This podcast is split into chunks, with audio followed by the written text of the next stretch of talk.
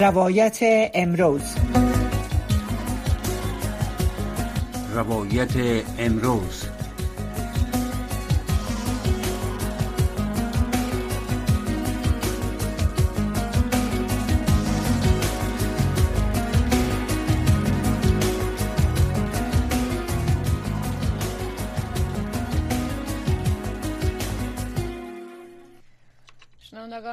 بینندگان عزیز سلام وقتتان بخیر. امیدوارستم در هر کجایی که هستین صحت و سلامت باشین و شنونده برنامه روایت امروز از امواج رادیو آشنا صدای امریکا از طریق از طریق رسانه های اجتماعی و همچنان صفحه و وبسایت صدای امریکا باشین.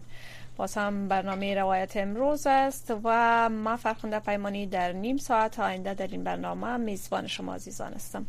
در این برنامه دو مهمان گرامی هم خود داشتیم اما قبل از اینکه های عزیز خود معرفی بکنیم روی موضوع برنامه می‌پردازیم. موضوع برنامه امروز در حقیقت روی مسدودی مکاتب دختران بالاتر صنف ششم بحث می داشته باشیم و همچنان روی موضوع دادخواهی برای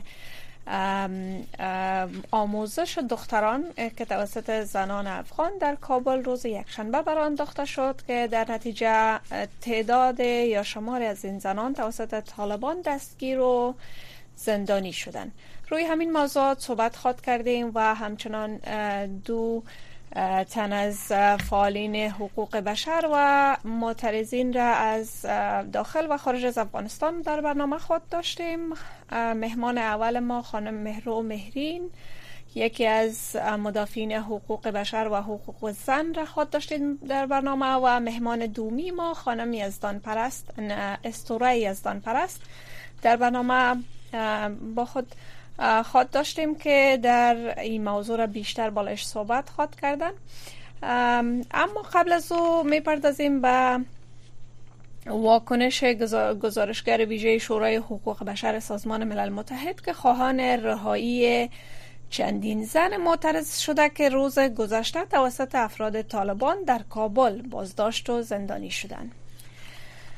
ریچارد بنت روز دوشنبه 27 مارچ. البته امروز در پیام در صفحه تویتر خود نگاشته که افراد طالبان شماره از زنان معترض را که به دلیل محرومیت دختران بالاتر صنف ششم در کابل که دست به اعتراض زده بودند بازداشت و با خود برده است. آقای بنت گفته است که بر اساس گزارش ها فاطمه محمدی، ملاله هاشمی و رقیه سایی که در حرکت اعتراضی دیروز در کابل شرکت داشتند بازداشت شده و در حال حاضر در بند این گروه قرار دارند او همچنان گفته که من خواستار آزادی فوری بدون قید شرط آنها هستم. خب شمار از زنان معترض روز گذشته تظاهرات را در مربوطات پل سوخته در غرب کابل آغاز کردند و شعارهایشان هم تحصیل حق ما است. بگذارید دختران به مکتب بروند و تحصیل خط سرخ ما است. سر دادند در همین رابطه مهمانان گرامی خود را در برنامه خود داشتیم که مهمان اول برنامه را به برنامه خوش آمدید میگیم خانم مهرو مهرین که مهمان بعدی ما در لحظات بعد به برنامه خود پیوستن. خانم مهرین خیلی خوش آمدین به برنامه. میشه بیشتر روی موضوع دادخواهی و اعتراضات روز گذشته صحبت بکنین.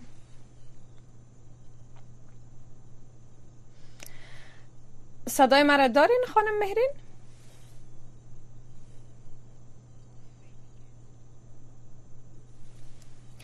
خب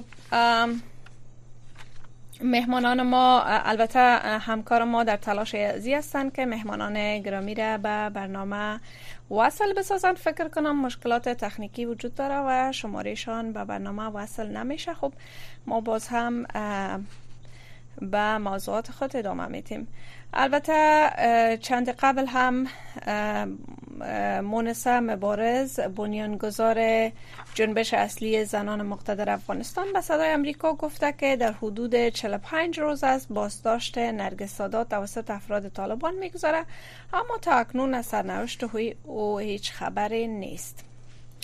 خب اگر اخبار اخبار ما آماده داشته باشیم می‌تونیم که اخبار بشنویم و دوباره بر بگردیم به ادامه برنامه.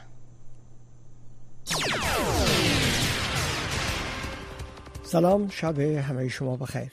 حفیظ آصفی هستم. توجه کنین به تازه ترین خبرهای افغانستان منطقه و جهان تا این ساعت از رادیو آشنا صدای امریکا. مقام های امنیتی طالبان وقوع انفجار در شهر کابل را تایید کرده و می‌گویند که در اثر این رویداد کم از کم شش غیر نظامی کشته و شمار دیگری زخمی شده اند. این انفجار حوالی ساعت یک و 20 دقیقه پس از چاشت روز دوشنبه 27 ماه مارچ در نزدیکی چهارراهی ملک ازغر و وزارت خارجه حکومت طالبان به وقوع پیوست. خالد زدران سخنگوی قماندانی امنیه طالبان برای کابل گفت که حمله کننده ای انتحاری پیش از رسیدن به هدف توسط افراد این گروه شناسایی شده که در اثر فیرهای آنان مواد انفجاری انتحار کننده منفجر شده است. زدران افزود که در این انفجار شش نفر که تمامی آنان غیر نظامی هند کشته و شمار دیگری به شمول سه تن از نیروهای این گروه زخمی شدند. و گفته وی این آمار ابتدایی است و جزئیات آن بعدا با رسانه ها شریک می شود شفاخانه امرجنسی در شهر نو کابل در چند صد متری محل این رویداد گفته است که تاکنون دوازده زخمی از محل انفجار به این شفاخانه انتقال داده شده که دو نفر آنان در مسیر راه جان باختهاند. گزارشگر ویژه شورای حقوق بشر سازمان ملل متحد خواهان رهایی چندین تن از زنان معترض شده که روز گذشته توسط افراد طالبان در کابل بازداشت و زندانی شدهاند. جزیات بیشتر را فوزی حسان تقدیم می کند.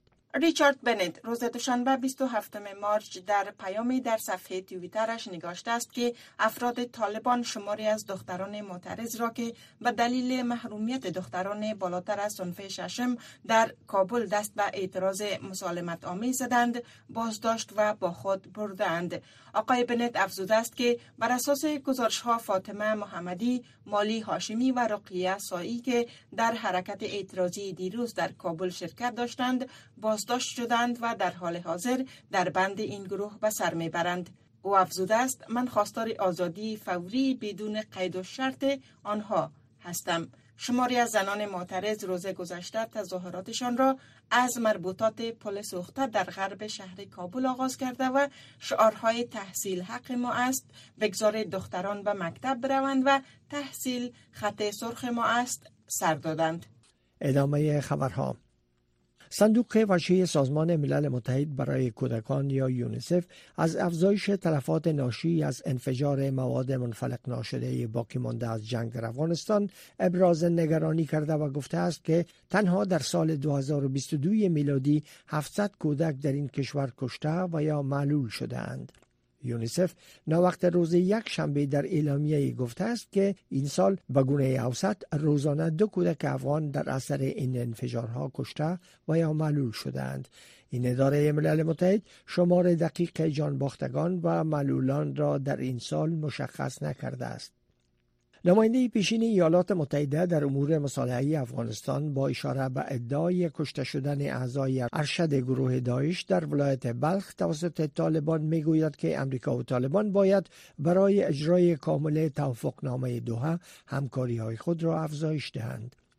زلمه خلیلزاد روز دوشنبه 27 ماه مارچ در صفحه تویترش نگاشته است که اگر ادعای استخباراتی طالبان مبنی بر کشته شدن اعضای ارشد شاخه خراسان داعش در ولایت بلخ تایید شود ضربه بزرگی به آن گروه در شمال افغانستان خواهد بود به گفته خلیزاد طالبان بر اساس توافق دوها قول داده بودند که با داعش بجنگند و گفت که کشته شدن رهبران داعش نشان می‌دهد که طالبان این کار را می کنند. خبرهای جهان را از رادیو آشنا صدای امریکا میشنوید. ناتو روز یک شنبه از ولادیمیر پوتین رئیس جمهور روسیه در مورد آنچه لفاظی خطرناک و غیر مسئولانه او در قبال امور هسته‌ای خواند انتقاد کرد. پوتین روز شنبه گفت که وی سلاحهای هسته‌ای تکتیکی را در بلاروس در همسایگی اوکراین مستقر خواهد کرد و آن را مرتبط به مستقرسازی مهمات در اروپا توسط ایالات متحده خواند و تاکید کرد که روسیه از تعهد خود در قبال وعده های مرتبط به عدم تکثیر سلاحی هسته‌ای تخطی نخواهد کرد. وزیر خارجه اوکراین در واکنش به این نظریه پوتین روز یک شنبه خواهان یک ملاقات غیر معمول به میزبانی شورای امنیت سازمان ملل متحد شده و از جامعه بین المللی خواهان اتخاذ تدابیر تعیین کننده شد. ایالات متحده تا کنون به این نظریات پوتین واکنش نشان نداده است. یک کشتی بردار امریکایی با نیروهای زمینی آن کشور به روز دوشنبه تمرین های نظامی را با کشتی های کوریای جنوبی آغاز کرد. این تمرین ها ساعت بعد از آن آغاز شد که کوریای شمالی دو میزایل بالستیک را ظاهرا در اعتراض به گسترش این تمرین های نظامی متحدین شلیک کرد. این هفتمین میزایل است که در این ماه آزمایش شده و منجر به بلند رفتن سطح تنشها در منطقه و اجرای تمرین های نظامی مشترک کوریای جنوبی و ایالات متحده با شدت هرچه بیشتر گردیده است. در یک تحول دیگر هیروکاز ماتسونو رئیس کابینه ژاپن امروز دوشنبه گفت که پرتاب میزایل ها توسط کره شمالی تهدید به صلح و امنیت ژاپن و جامعه بین المللی محسوب می شود و این نظریات را در حال ابراز کرد که کره شمالی دو میزایل دارای برد متوسط را در اوایل امروز دوشنبه بر آبهای شرقان کشور پرتاب کرد. اردوی ژاپن می‌گوید که این راکت ها در یک مسیر غیر معمول حرکت کرده و با طی مسافه به طول 50 کیلومتر در حومه منطقه اقتصادی ژاپن فرود آمده است. و اتحادیه های عمده تجارتی و سکتور خصوصی در اسرائیل امروز دوشنبه تهدید به اعتصاب ملی در صورت عدم عقب نشینی بنیامین نتانیاهو صدراعظم آن کشور را از اصلاحات ارائه شده توسط ائتلاف راستگرای وی در سکتور غذایی نموده است. پایان اخبار تا این ساعت از رادیو آشنا صدای امریکا.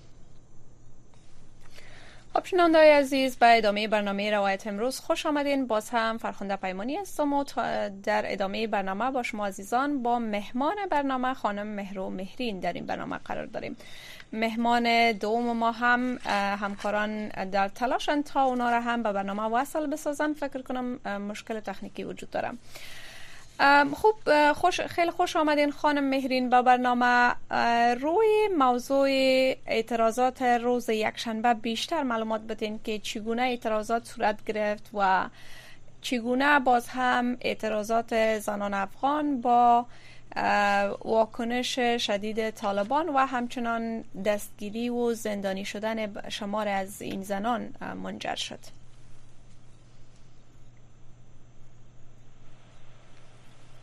صدای مرا دارین خانم مهرین؟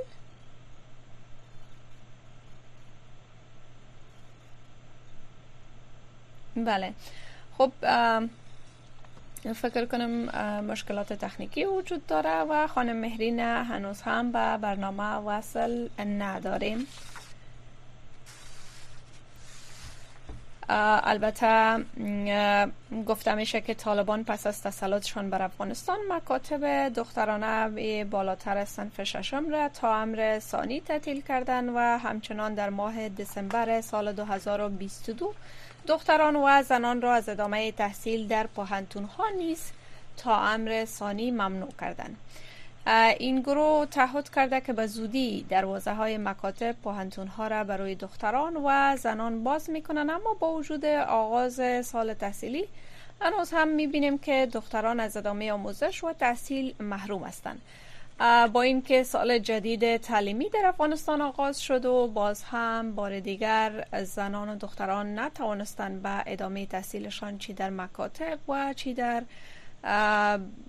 مراکز تحصیلات عالی در افغانستان درهایش باز نشد و نتانستند که ادامه بتن البته این موضوع با واکنش جدی و شدید محلی و بین المللی مواجه شده و بیشتر مقامات بین المللی و همچنان ارگان های حامی حقوق بشر و محافظت از حقوق اطفال در این رابطه واکنش نشان دادن و گفتند که نه تنها محروم ساختن دختران افغان از آموزش در مکاتب متوسطه و لیسه و دانشگاه ها نه تنها بر بخش آموزشی دختران تاثیرات خود را داشته بلکه تاثیرات زیاده بر روح روان این دختران را نیز بر خود داشته است. خب فکر کنم خانم مهرو مهرین را به برنامه داریم و... عزیز دارم بله صدای من دارین شما؟ بله بله سلام بله بسیار خوب.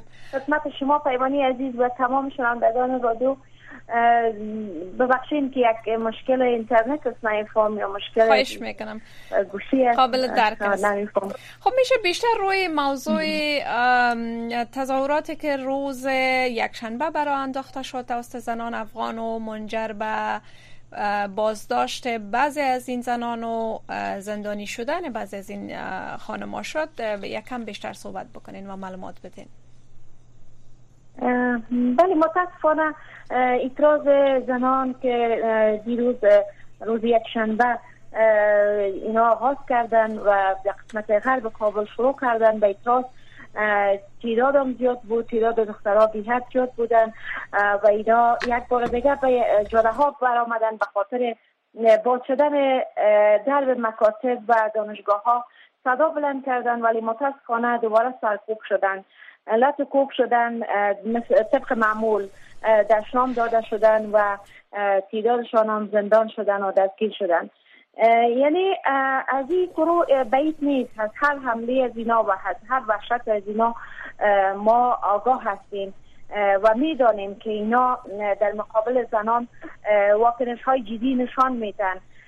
ولی این هم می‌دانم که تا چی وقت تا چی وقت تعداد زنان را در اینجا محدود می سازن و 15 میلیون حداقلش زنای افغانستان را اینا محدود می سازن و اجازه کار و اجازه در اجتماع اجازه در دانشگاه و مکاتب نمیتن.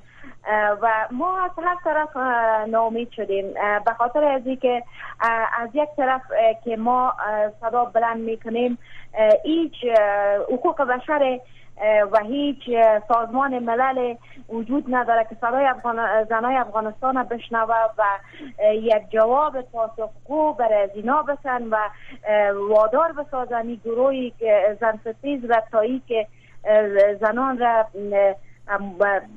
دست پیدا کنن به حق حقوق خود زنا بتانن درس بخوانن کار کنن آزاد فعالیت های خود داشته باشد ولی از هر طرف سرکوب میشیم و از هر طرف ناامید میشیم. ولی بازم به شامت زنا من آفرین میگم. و دستهایشان می بوسم که باز هم جرأت می‌کنن به سر سرک و جاده و خیابان بیرون میشن و اعتراض می‌کنن و حق خود می‌خواین. یعنی در هر صورتش امکان از دادن جانایشان هست. زندان میشن شکنجه میشن. از این و بیشتر دیگه فکر نکنم که خشونت از این فراتر باشه که زنای افغانستان سرجچار هستن و دامنگیر از این خشونت دوامدار که مدت دو سال است که اینا در این خشونت و در این بی سرنوشتی دیگه زفر می‌برن. واقعا جای نگرانی است واقعا جای تاسف است که ما تا چی وقت اینقدر ما محدود شویم و ما به آشیا کشانده شویم. یعنی واقعا ما خسته شدیم از این حالت. ولی هرگز به این صدا بلند کردن های ما ما خاتمه نمی بخشیم هرگز یعنی وقتی که ما از سر خود گذاشتیم وقتی که ما آذر هستیم که اگر ما درس نخوانیم یا کار نکنیم در اجتماع حضور نداشته باشیم یا حقوق ما مساوی با برادران نباشه بهتر است که زنده نباشیم. امی موضوع را پذیرفتیم که ما به خیابان میاییم و با جان خود بازی می‌کنیم. تنها با شعار خود به این گروه زنستیز میگیم که نه برای خشونتتان نه برای زنستیزیتان و اما واکنش جدی خود ما هم در مقابل از این گروه نشان میدیم بله. خب خانم مهرین چی فکر می‌کنین؟ عمل کرده طالبان از ابتدای حاکمیتشان بر افغانستان تا اکنون و اینکه در بیشتر مظاهرات که در افغانستان صورت گرفته با دیگر خانم ها البته حضور داشتین. چگونه بوده؟ آیا تغییر در عملکرد طالبان شما در مقابل زنان می‌بینین؟ یا ای که خشنتر شده میره یا ای که برعکس اندک ملایم شده؟ به نظرتان یا ای که یکسان بوده؟ چگونه است عملکرد طالبان؟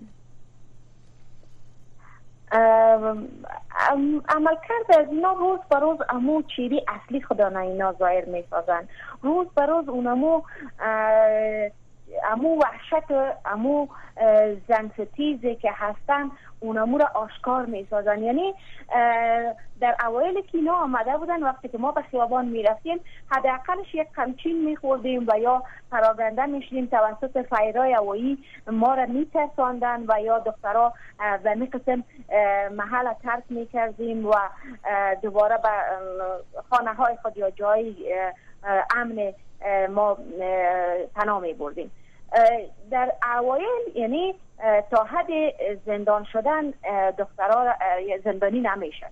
ولی چون به خاطر اینا یک تمثیل می‌کردن که اینا را جامعه جهانی به رسمیت بشناسه و بعدها که باز هر قدر قیدات که اینا باز بالای خانم ها کردن باز اون وقت دیگه شناخته شده می باشن یعنی یگانه علت از که اینا به رسمیت شناخته نشدن اینمی صدای اعتراض اینمی زنای افغانستان بود. که چی در ولایت چی در شهر کابل اینا صدا بلند کردن. ولی در ابتدا اینا روی خوبی را نشان دادن تا حده ولی آله که فهمیدن که به هیچ وجه اینا به رسمیت شناخته نمیشن اونمو وحشت و اونمو روی خشنه که در مقابل دخترها و خانمای معترض دارن. انجام میتن حتی با لط کوب اینا را داخل موترها بالا می‌کنند و اینا سر و صورت از اینا را با دستمال های سیاه میپوشانند و تا قسمت که در هر محل که اینا را انتقال میتن یا حوزه باشه یا هر جایی که اینا قرارگاه از اینا هست اینا را انتقال میتن دختر را اصلا نمی‌فهمند که در کدام مسیر روان هستن. یعنی با حد به حد اینا شکنجه می‌کنن به حد اینا یک خانم یک دختر خانم که سننم 18 یا 16 ساله دختر هستن دخترایی که امروز لط دیروز لط کوب شدن. یعنی به حد اینا خشونت می‌کنن که هیچ پروای جامعه جهانی را ندارن هیچ پروای حقوق بشر را ندارن و یک گروه خودمختار و زنستیز هستن که اصلا اینا به هیچ قانون پابند نیستن. بنابراین هر چیزی که از دستشان برمیآید دریغ نمی‌کنن بر بالای دخترها و خانمای معترض. یعنی آنقدر خشونت می‌کنن که دخترایی که زندان شدن و پس دوباره رها شدن شما از زبان از ما بشنوید که ببینیم که تا چی قدر با یک برخورد از اینا با یک دختر و با یک زن مسلمانه که اینا داد از اسلام می‌زنن داد از مسلمانی می‌زنن.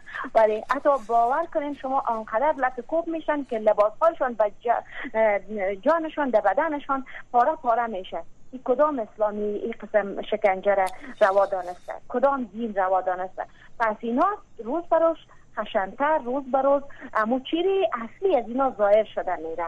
روز به روز اینا فهماندن برای جهان که ما اونمو کسایی هستیم که در کو بزرگ شدیم از دین چیزی را نمی‌فهمیم از اسلام چیزی را نمی‌فهمیم از برخوردهای اجتماعی اصلا آگاه نیستیم و اونمو خشونتی که می‌کنیم یعنی به مو یعنی برخوردهایی که حتی به حیوان ترحم انسان نه که آدم اما برخورد با یک حیوان نکنه.